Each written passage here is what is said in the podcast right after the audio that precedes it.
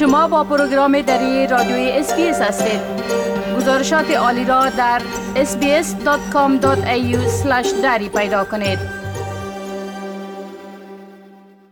شنونده های عزیز حال همکار ما جاود رستاپور که از کابل با ما در تماس هستند در مورد آخرین تحولات در افغانستان به ما معلومات میتن. آقای رستاپور سلام بر شما.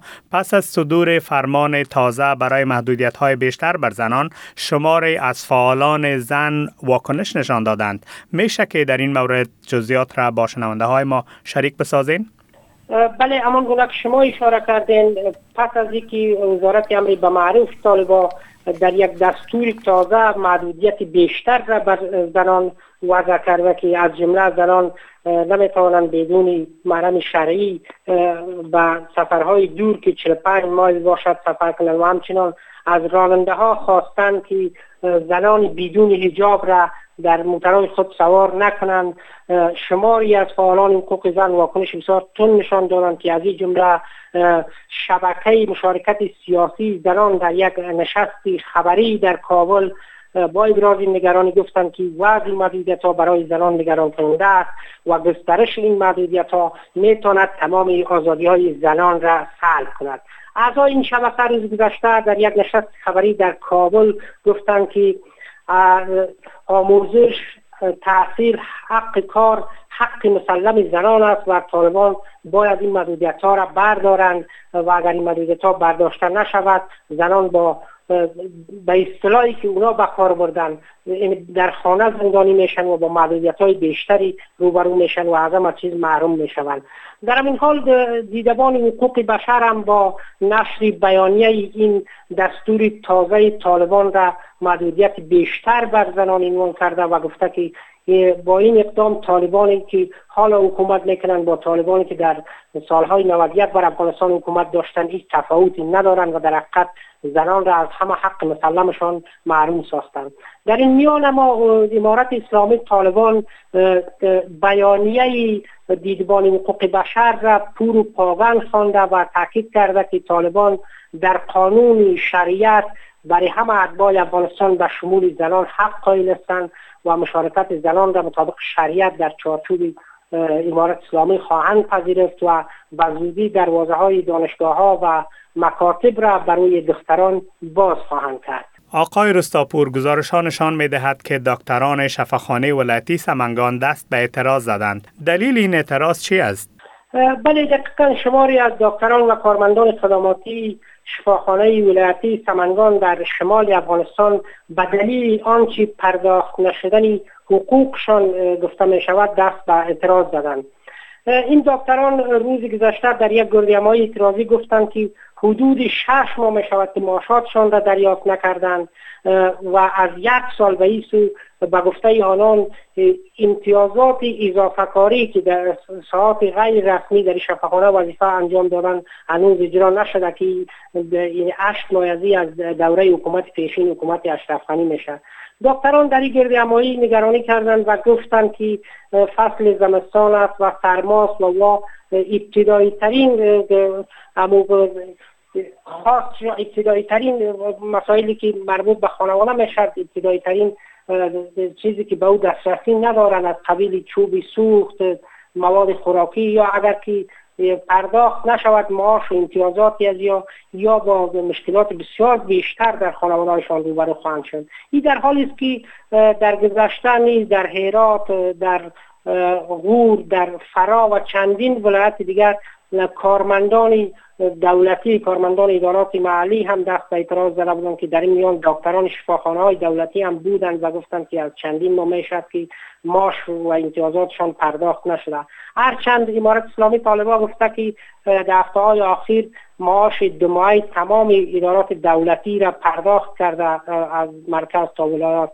اما آنگونه که دیده می شود هنوز در کابل هم شماری از وزارتخانه ها کارمندایشان شکایت دارند که تاکنون معاش مای سنبله و میزانشان پرداخت نشده و با وجودی که یک تعداد از تخصیص دادن که معاشاتشان اجرا شده ولی به دلیل یعنی که نقدینگی در بانک ها وجود ندارد. روزانه صدها نفر در پشت دروازه های بانک ها صف می‌کشند ولی برای تعدادشان نوبت نمی‌رسه که یا معاش خود را کنند و شام دست خالی به خانه برمیگردند.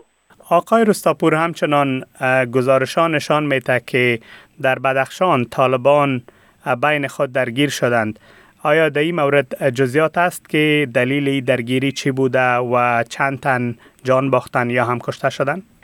ما در تماس تلفنی که با یکی از همکاران ما در ولایت بدخشان داشتم و گفت و درگیری خودی میان اعضای طالبان را در بدخشان تایید کردند که در درگیری چهار نفر زخمی شده به شمول قماندان لوا همکار ما گفت که اولی ساعت شش شام روز گذشته درگیری خودی میان طالبان در است بازرسی در مربوطات حوزه اول امنیتی شهر فیضآباد مرکز ولایت بدخشان صورت گرفته که منجر به زخمی شدن چهار تن به شمول قماندان لوا شده.